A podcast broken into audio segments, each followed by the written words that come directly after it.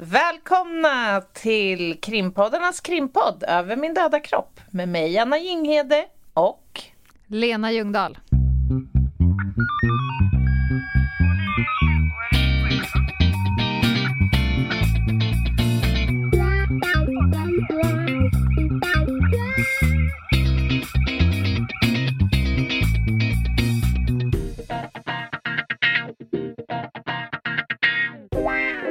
Lena, det är dags för det fjärde elementet. Jord! Av jord är du kommen. Ja, är du det? Ja, men alltså jag har funderat lite på det där uttrycket och har ju i vanlig ordning då frågat internet. Ja. Och tydligen så lever det här kvar liksom från en förhistorisk tid då man faktiskt trodde att man var kommen av jord. Mm. Så att eh, det finns en liksom förklaring där. Ja. Och vi ska ju åter bli jord på något Ja. sätt. Så att eh, jag har inga problem med Ska den. du bli jord? Ja. Eh, ja, det ska jag väl. Hur tänker du att du skall ner i jord? Ja, du tänker Har du tänkt så. på det? Ja, Men det jag har jag tänkt rivstartar här nu. Har du Ja. tänkt på hur du ska, liksom, när livet är slut, Mhm.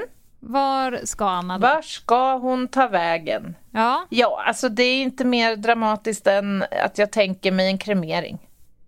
du tänker en kremering? Jag är ju lite motståndare till det här konceptet att man ska få en gravsättning och en grav på en kyrkogård som fordrar visst underhåll och viss omvårdnad. Jag tänker mig att mina anhöriga som vill minnas mig kan göra det var som helst annars. Jag vill inte bidra till ett dåligt samvete över Åh, att ta att hand penséerna börjar om en grav. Ja, men lite sådär. Mm. Mm. Jag, har liksom, jag kan inte se riktigt att man måste minnas mig på en kyrkogård om du förstår vad jag menar. Nej. Så efter kremering så ska du alltså spridas? Ja, det tänker jag mig skulle kunna vara Mm. trevligt. trev, ett inslag. Ja, festligt. Ja, hur tänker du Eh, kring det där?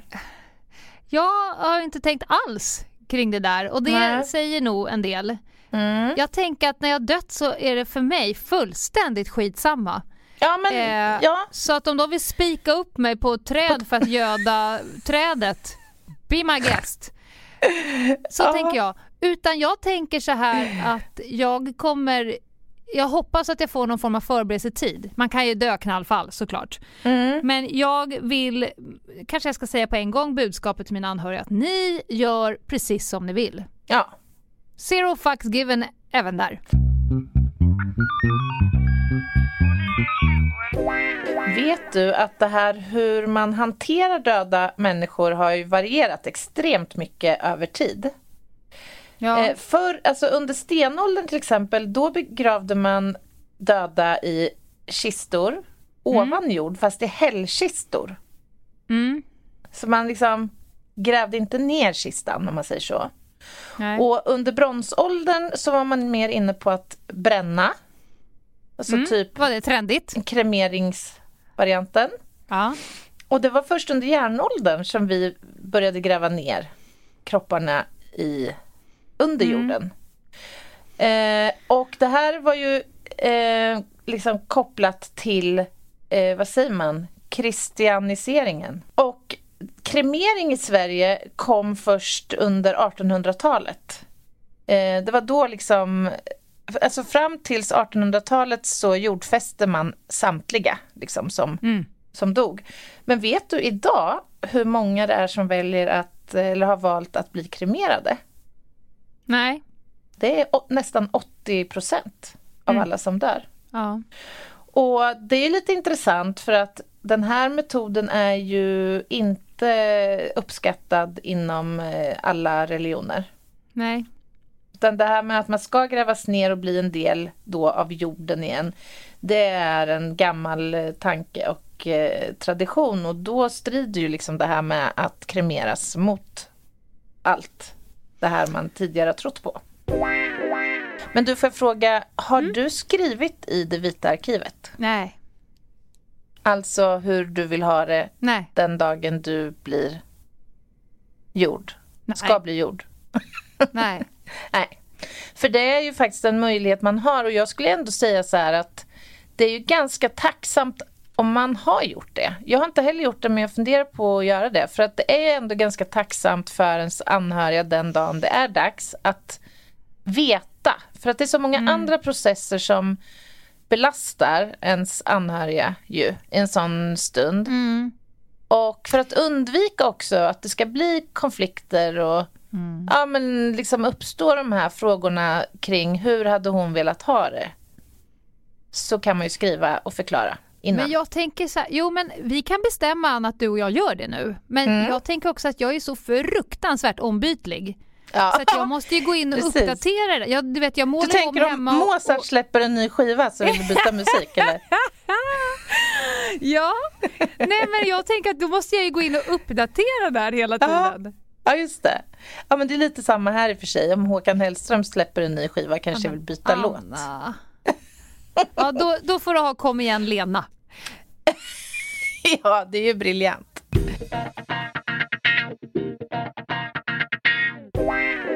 Jag har ju också faktiskt lite erfarenheter av att eh, liksom leta efter kroppar och kroppsdelar och sådär i terräng.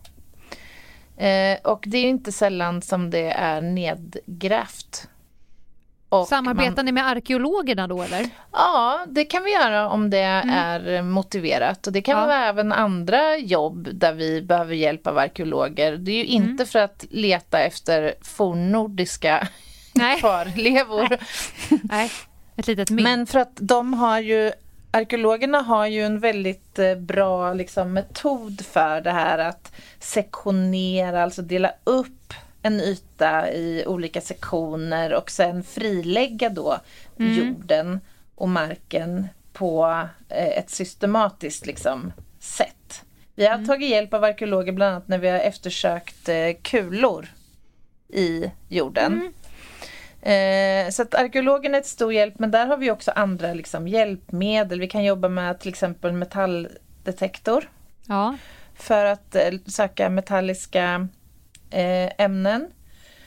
Eh, vad har vi mer? Markradar till exempel som Ja. eh, ger svar på liksom hur, eller så här tätheten kan man väl säga i jordlagret. Alltså har man nu grävt en grav för att eh, gräva ner då Mm. delar av en kropp så kommer det att förändra helt Mm. enkelt jordens, eh, ja vad ska man säga, kvalitet eller poröst. sammansättning eller ja precis, Mm. täthet. Eh, så att det kan vara till, till hjälp. Eh, vi har lite olika sätt att hantera det där på som är Mm. såklart väldigt värdefulla då för oss.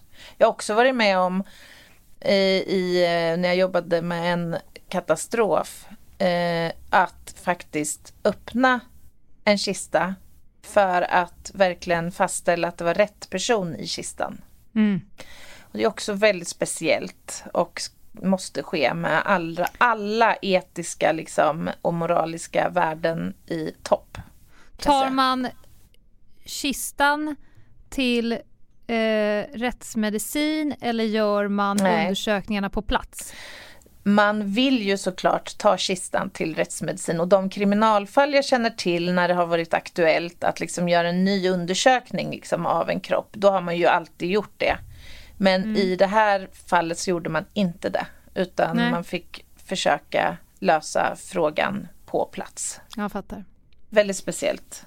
Faktiskt. Alltså för mig är det här är viktigt för mig med döden och eh, det här med om man nu har kommit till sin sista vila då ska kroppen också få vara i fred och frid. Alltså det, jag tycker det är oerhört viktigt faktiskt.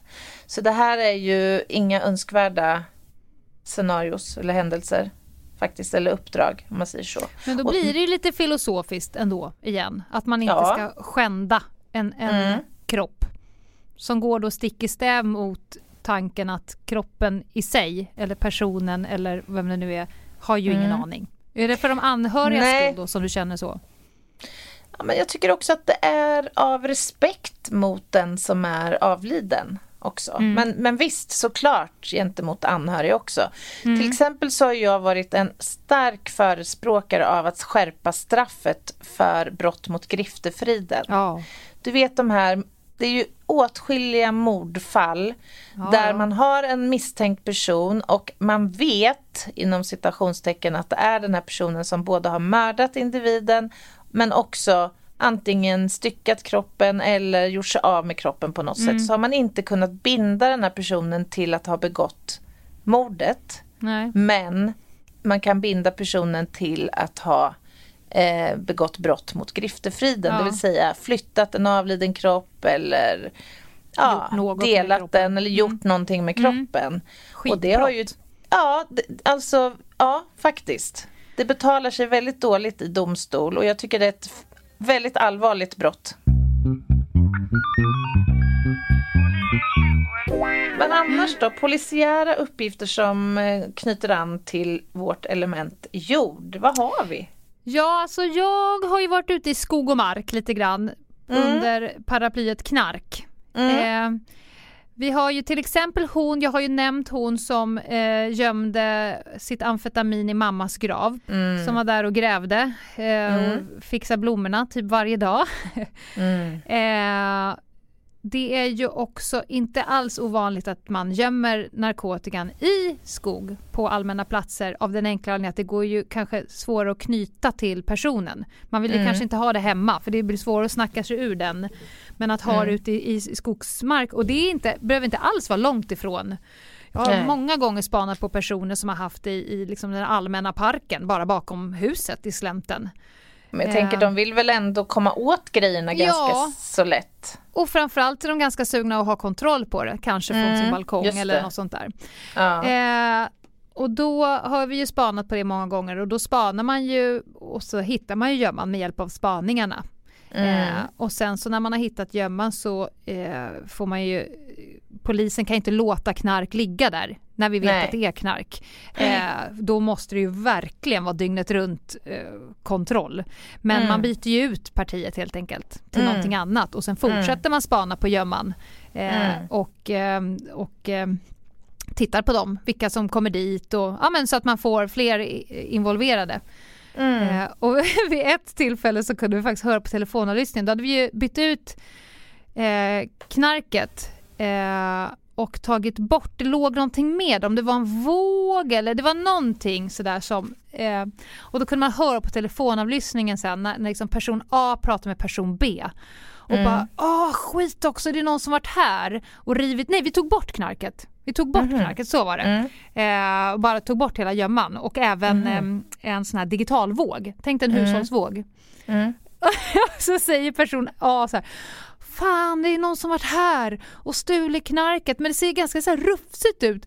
Det kanske är något djur som har ätit upp det. Var på person B bara Åh, ja det har du rätt i fast ätit upp Snillen spekulerar. Ja, fast vänta här nu. Skulle den ha ätit upp en termos, en digital våg? Bara, vad tänker du att det är för djur? Är det liksom T-rex som är ute och bara...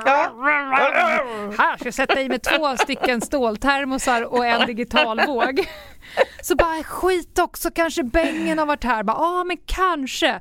De på telefonen lyssnar på att skratta ah. sig ah, läppen av sig. Det. Så att göm, knarkgömmer i mark, det är ju inte alls mm. ovanligt. Nej, och även eh, brottsverktyg. Ja, alltså knivar, pistoler och mm. annat kan ju naturligtvis grävas ner. Det är inte jätteovanligt att man får ett sånt uppdrag egentligen. Nej. Och gräva och hitta. Sen har jag varit på ganska mycket rejfester. Eh, ja. Inte på Docklands längre utan de är ju ofta ute i skog och mark. Mm. Hyr gärna så scoutstugor, friluftsstugor. Mm. Bara, vi har en liten, liten klubb här, vi tänkte låna er scoutstuga och spela kanasta nästa söndag. De bara ja, tycker scoutklubben, det låter jättetrevligt. Ja. Och sen så helt plötsligt börjar ns, så. Och då får man ju gärna parkera bilen långt bort och sen får mm. man ju vada genom skogen för att hitta mm. dem. Jag tänker också mycket narkotika kommer ju från skogen, jag på att säga. Ja odlingar och svampar och allt möjligt som är beroende av jord. Ja, det kan vi prata om. Vi har ju marianan då, då. den odlas ju oftast hemma och det är mm. ju ett ordentligt arbete. Det, för det första så köper de ganska dyra prylar, tält mm. och, och, och det sånt krävs ska, mycket prylar ja, överhuvudtaget. Det krävs prylar mm. och tid eh, och, och, och kunskap. Mm. Och el, shitload av el. Så bostadsrättsföreningens elnota går upp med 3000 procent mm. för någon som har snott ett litet rum. Mm. Eh, de för ju dagbok och de mm. är där och duttar och pluttar och ja. det är mycket jobb och mycket prylar. Verkligen. Eh, och så gäller alltså, det också att klippa en sån här framställ, alltså framställansbrott som polis, då vill man ju kliva in i precis rätt skede. Mm, För annars mm. kan man ju komma in och så har de ju växt upp tre centimeter, ja. det kanske är 300 planter ah, tre ja. centimeter vilket blir Straffvärdet i princip, blir så lågt. Mm. Så att man vill ju in precis när, när det är som mest. Mm. Och då är det ju allt ovan jord som är olagligt. Mm. Frö, mm. frön som man kan köpa på nätet, alltså själva mm. Cannabisplanta, sativa planta frön mm. är ju inte olagligt. Nej. Men så fort det har börjat växa ovan jord. Så att man eh, skördar ju helt enkelt längs med jorden som polis när man mm. tar in en sån där odling. Sen har vi ju eh, de här um, andra odlingarna. Eh, mm. Det finns ju faktiskt de som eh, försöker sig på, om jag säger eh, den kemiska formen C12H16N2HPO4. Är det något som Oj. ringer någon klocka?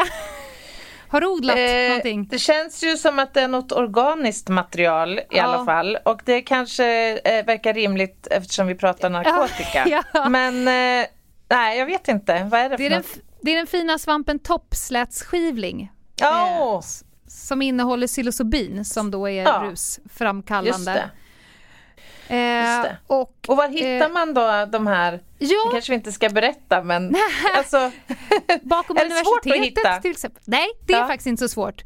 Eh, och de är narkotikaklassade när de lämnar marken. Eh, mm. om man, sen är ju narkotikabrott en uppsåts, ett uppsåtsbrott. Eh, mm. Men till exempel så var jag själv ute i Velamsundsskogen och eh, plockade kantareller. ja, plockade toppslätskivling. Skulle en soppa. Nej men och sen så kom och då vet jag på ett sånt här stor, en stor äng, ganska välgödslat, gick lite eh, djur där, komockor typ. Mm. Kommer det en, en kille gående rakt över mm. ängen på innanför staketet. Aha.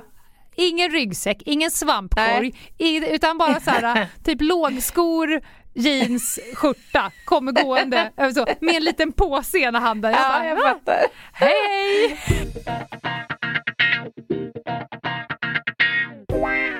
Ja, men du, jag tänkte på lite andra typer av ärendevarianter eh, som berör mm. polisens arbete. Då tänker jag bland annat på miljöbrotten. Mm eh, det här med dumpning av avfall ja. och nedgrävning av eh, batterier eller vad det nu kan vara. Eh, det händer, vet du hur många sådana ärenden vi hanterar varje år ungefär? Nej. Nej, det är 4000 ungefär har jag googlat mig fram till. Mm -hmm. 4000 miljöbrott varje år och det är såklart ett undertal eller vad man ska säga. Det är ju väldigt mycket av den här verksamheten som inte kommer till myndigheters kännedom tror jag. Ja. Tror du inte det? Alltså, ja, självklart. Ja, och det är ju väldigt olyckligt för det är ju Alltså det är brott som visserligen kanske inte så ofta drabbar en enskild individ men det kan ju få enormt svåra konsekvenser för den yttre miljön. Alltså markområden och ekosystem och jag kan, vatten. kan fascineras över hur man kan åka liksom mitt ute i skogen och sen är det någon som har typ så ställt av en tresitssoffa och två kylskåp ja, mitt alltså ute i ingenstans. Det där är så märkligt ja. Va? Helt Vad obegripligt. Ja, men alltså, jag fattar inte hur människor då funtade. Hur tänker Nej. de att det... Nej, men alltså... Det är ungefär samma, jag förstår inte heller de som tar med sig bajspåsar till sin hund, går ut i skogen, plockar upp bajset, knyter en knut på påsen på och slänger påsen. ja, ja, det är fantastiskt. Eller hänger upp i träd eller... Ja, ja. ja passis. Nej, men och, alltså, en förklaring till att man dumpar, det kan ju vara för att alltså, om man ska dumpa avfall som är miljöfarligt så är det förenat med kostnader. Ja. Eh, och då tänker ju vissa sådana här smart eh, huvuden att äh, men om jag bara dumpar det här på något bra ställe så kommer det inte kosta mig någonting. Eh, och man tänker då inte alls på vad det får för konsekvenser för, för naturen. De här brotten är ju reglerade i miljöbalken framförallt. Sen finns det väl några andra lagrum också, jaktlagen till exempel tror jag, som reglerar vissa brott mot artskyddet och sådär. Mm. För det här rör ju inte bara liksom skog och mark utan även eh, arter, djurarter. Mm. Helt enkelt. Men jag kan ju nämna det att kriminaltekniskt så är det här lite av mardrömsbrott att mm. jobba med. För att det är förenat med en enormt komplex metodik för spårsäkring. Eh, det, det, här ska ske enligt eh, konstens alla regler och på ett väldigt eh, ja, komplext kan man väl säga sätt. Och sen ofta är det ju fråga om stora ytor som ska undersökas och ja men du vet, det är, det är inte helt okomplicerade ärendetyper det här. Alltså det spänner såklart från det lilla till det stora. Det finns ju exempel på där det kan räcka att ta vattenprover i en å för att styrka att man har släppt ut något miljöfarligt. Mm. Men ibland så kan det vara riktigt, riktigt komplexa ärenden som tar lång tid att utreda och spårsäkra i. Och sen kan det vara att det innefattar flera länder också. Och då så är det inte bara svensk lagstiftning som, som är aktuell utan även kanske andra länders. Och få det där att lira är ju inte helt okomplicerat alla gånger. Nej. Vi har ju särskilt utbildade miljöåklagare i alla fall nu. Som är väldigt drivna och duktiga.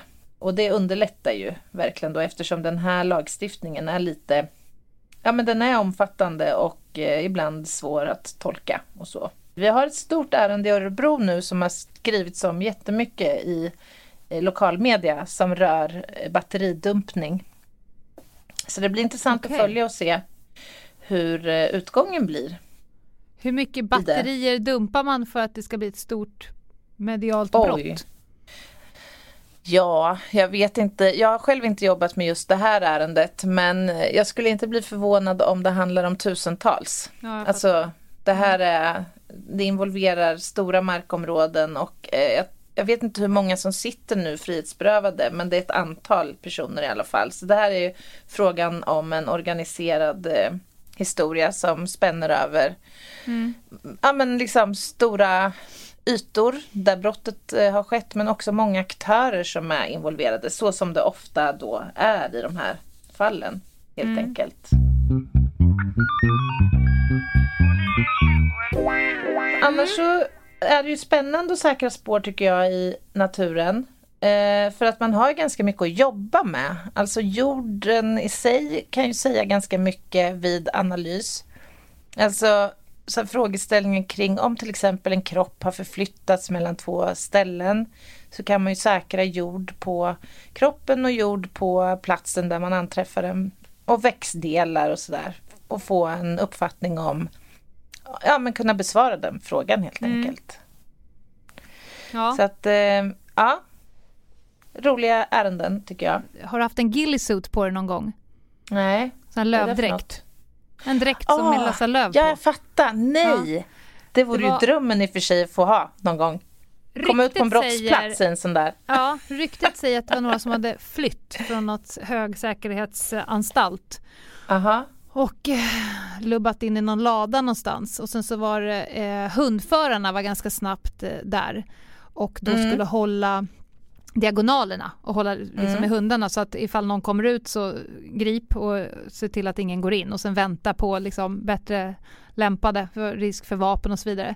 Och då mm. satt de här eh, hundförarna på en stubbe med sina hundar där och liksom, ja men det blev väntläge, det blev trist. De tänkte så här, mm. man kanske skulle ta sig fram så de hade tagit lite så grenar och kvistar och typ petat ner i båtmässan. Så man sa, mm. nu syns vi inte längre, Jag undrar hur nationella insatsstyrkan kommer se ut när de kommer och bla bla bla. Ja. Så de satt där med tre, fyra kottar och grenar nedtryckta i, i mössan. Och sen så hörde de på radion så här, men då är det klart, då reser sig nationella insatsstyrkan, då har de legat så tre meter framför dem. Det Plats. reser sig en lövhög framför dem. Ja, då reser sig lövhögarna framför dem. Då har de legat där. De bara, ja, nej, jag tar ut grenarna här och mössa igen. Och bara, har ni hört allt vi har sagt? Ja, det har vi gjort. Ja. Jag vill bara återkoppla till det här med, med grav. Jag hade faktiskt ett, ett, ett spännande ärende i, eh, i söderort när jag jobbade där. Eh, mm. När jag jobbade på ordningen. Mm. Eh, och då var det en känd personrånare som vi hade där som var riktigt, riktigt svin som slet mm. eh, halsbanden av tanterna på gångbanan och snodde moppar. Han gjorde liksom mm. multi, multikriminell skitunge. Yeah. Ursäkta uttrycket. Eh, mm. Han stal i alla fall en moped. Eh, I det mm. här fallet så ägdes mopeden av sonen till en högt uppsatt inom ett känt eh, mc-gäng. Mm-hmm. Man kan säga att det är fel moped att stjäla. Jag fattar. Så kan yeah. jag säga. Mm. Så den här personen blev ju plockad, eh, kastade baklucka, ut i skogen där han fick gräva sin egen grav. Mm. Eh, och sen så fick luva över huvudet Eh, mm. Och sen så en mynning mot tinningen. Ja, men fy. Och sen klickade jag av. Men det var ju en, en sån klassisk skenavrättning. Så han stod ju där med huvudet på sig. Oh, med fötterna Gud, i kanten på sin egen grävda grav. Äh, fy. Eh, och släppt där. Mm. Äh, han Vidrigt. vill inte vittna.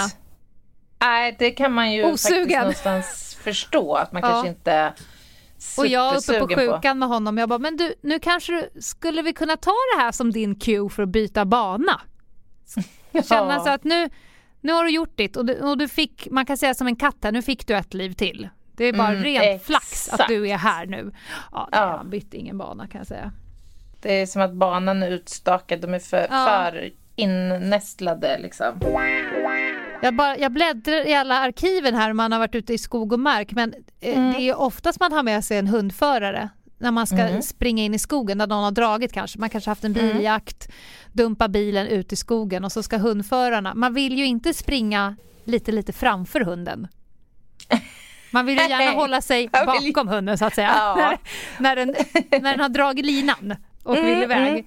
Yeah. Då vill man inte hamna på fel ställe. Men det är ballt att se dem jobba. Ja, de är så otroligt duktiga. Och apropå det här att söka i terrängen mm. så kommer jag att tänka på en annan metodik som ibland används. Eh, det är nämligen det här med tracking. Har du hört talas om det? Ja, det har jag. För det finns ju en polis, eller före detta polis. En före detta, ja. Som ja, har exakt. gått kurs för indianerna, eller mm. Apache, Apache-sökning. Exakt. Ja, Apache Scouts ja. är ju den stora inspirationskällan. Alltså det här är ju en, urtid, en urtida konst ja. kan man väl säga som då appliceras på moderna förhållanden.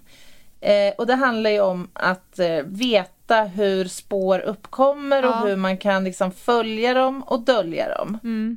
Och det är klart, alltså, jag kan förstå lite grann grundtänket det här att liksom öppna upp alla sina sinnen. Alltså mm. både ögon, öron, näsa och eh, känslo, eller mm. vad ska man säga, känseln. Mm. Eh, och att man liksom på något sätt, ja vad ska man säga, gör dem mer känsliga för att hitta då spår och mm. förstå hur man kan följa spår från en individ och sådär. Mm. Men jag vet inte hur liksom användbart det är i praktiken. Men vi har några på min enhet ja. som har gått den här ja. ganska omfattande utbildningen Använder ni den ofta? Nej, inte vad jag vet. Så bara, du alltså... kan återkalla hunden, vi har Göran här. Göran, ner på alla fyra och kolla om barren ligger i kors eller i... Vi har sittande hästen här med oss. som kommer till vår undsättning. Ja. Jag vet, alltså jag, på något vis så är väl mycket, alltså mycket av kriminaltekniken handlar väl om just det här att se avvikelser från det normala så ja, att säga. Ja. Att tolka det är allt polisarbete. ja, allt polisarbete ja. egentligen, ja, precis. Men ja, det är ändå lite intressant. En in, intressant take på det här med spårsäkring i jord. Jag tänkte på det, vi pratar ju om några olika lagrum som är relevanta när vi eh, är inne på det här temat då, jordtemat. Ja. Men du, eh, du känner till eh, byggningabalken va?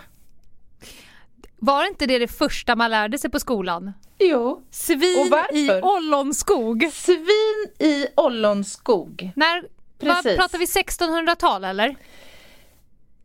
Jag vet inte exakt hur gammal den här lagen är. Men... Det bara ringer någon klocka att det är skitlänge sedan, typ 1600-tal. Precis. Men det handlar ju om i alla fall att om man då äger en ollonskog så måste man så måste det finnas reglerat ja. hur många svin som får släppas in i ollonskogen.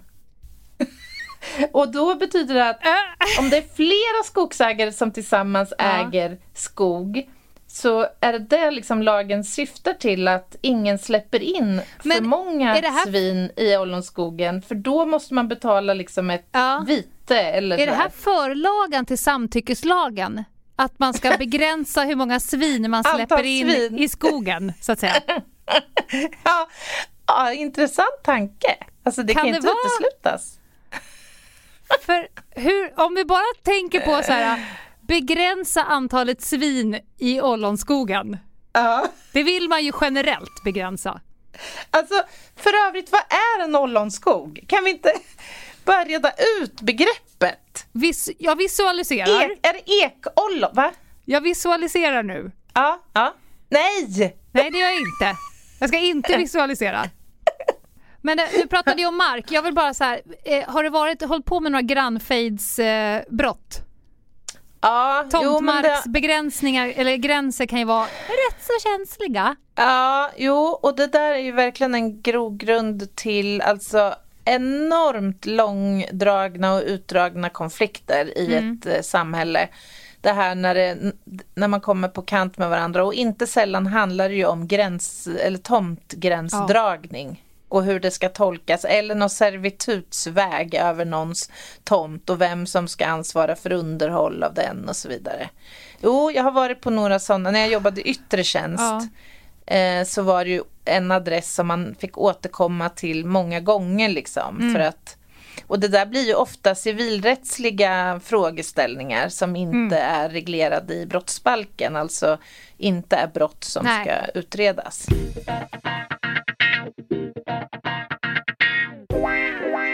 Jag tänkte jag skulle bara säga två saker som jag hade tänkt att nämna tidigare när vi pratade om det här med eh, kroppar i jord mm. och nedgrävda och så. Vet du att i världen så finns det ungefär ett tiotal så kallade body farms mm. som finns i studiesyfte. Alltså eh, platser som är som drivs av och organiseras av eh, stora universitet ofta och där man använder de här platserna till att studera nedbrytning bland annat hos män människokroppar efter döden då. Spännande. Det kan även vara djur. Ja. Och det här är ju, det är ju lite makabert på något sätt men samtidigt ska man komma ihåg att det är människor som alltså har donerat sina kroppar för det här ändamålet, ja. för vetenskap och för utbildning av bland annat poliser och rättsläkare och, och andra. Och mm. på så vis så får vi också väldigt mycket kunskap som är viktig för kriminaltekniken. Men stopp och belägg, det här vill jag ha ett eget avsnitt på. Ja, det kan vi köra. Superspännande, bodyforms-avsnittet. Det tror jag fler kommer gå igång på. Ja, vi kör, mm. vi kör på det längre ja. fram. men jag tänkte vi skulle avsluta det här avsnittet med lite, men lite sköna fakta om oh. jord. Jag är beredd.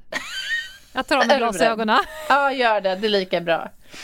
Visste du, Lena, mm. att det är fler mikroorganismer i en näve jord än det finns människor på jorden? Coolt! Så när du ligger där och guckar runt på, i din kolonilott. Vilket jag gör hela tiden nu. jag vet. Ja. Så kan du ändå betänka bara så många mikroorganismer du har på dig och får i dig. Men då umgås jag ju ändå. Då kan jag ju ja, hävda det. När folk säger du är så tråkig du... och inte umgås. Du, jag har umgåtts med så jävla många organismer idag. Så nu är jag trött ja. på dig. Ja. ja gillar. Eh, I alla fall så finns det över 5000 arter bakterier i ett gram jord. Så med, ja, mot... det är ju ganska viktigt och det har man ju fått lära sig. Det är ganska mm. viktigt att använda handskar i trädgården. Mm. För små sår plus mm. jord är lika med kombo. sketdåligt. Ja, verkligen. Ja. Och mot bakgrund av det så kan man också ganska lätt förstå varför en kropp ganska snabbt eh, bryts ner ja. som ligger ute i jorden. För att det finns så otroligt mycket bakterier som påskyndar den här processen Hur helt enkelt. lång tid? Om jag skulle gå ut och lägga mig här, rakt utanför här, på Norra Bantorget i rabatten här utanför och ingen skulle röra mig. När har jag blivit rabatt? När har du blivit rabatt? Svara! Ja, men alltså, för det första så måste du komma ihåg att du kommer att ha inom en viss tid ett skeletterat material ja. som inte blir gjord. Någonsin. någonsin. Nej, okay. Jo, någonsin kommer det att ske men det, då snackar vi hundratals år kanske. Men när har min högra biceps försvunnit? Ja men det kan gå på ett par veckor. Tack. Alltså det kan gå jättefort. Mm. Okej, den sista Jag kan här. Säga, det, det, kan gå jättefort. Det tar bara några veckor av coronakarantän. Min högra biceps är borta. Eh, vi har ju varit inne lite på det här med ekotänk. Ja. Både i det här och i tidigare avsnitt. Mm. Och eh, vi har även pratat idag om hur man väljer att eh, begravas och så. I USA och i Storbritannien så har det nu blivit otroligt populärt med så kallade green funerals. Mm -hmm. Och då är liksom principen att varje enskild detalj vid jordfästning och begravning ska vara genomtänkt ur miljöaspekt. Oh. För att man ska undvika miljöbelastning.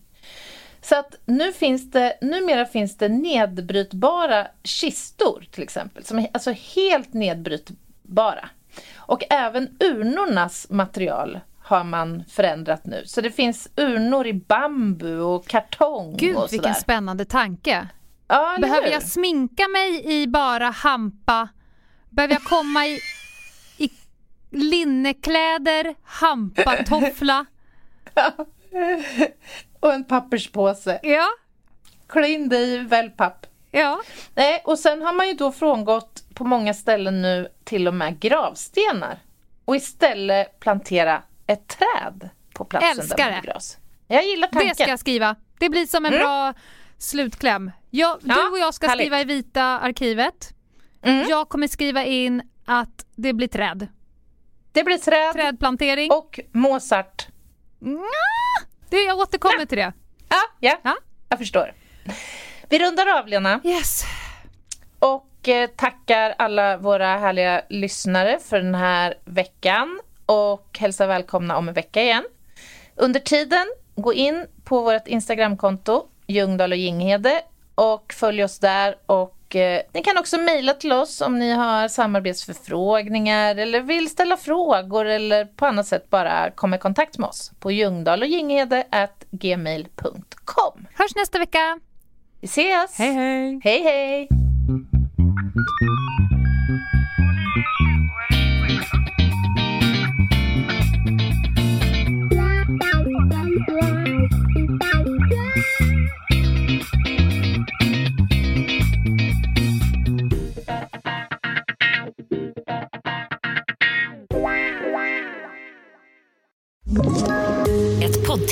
Podplay.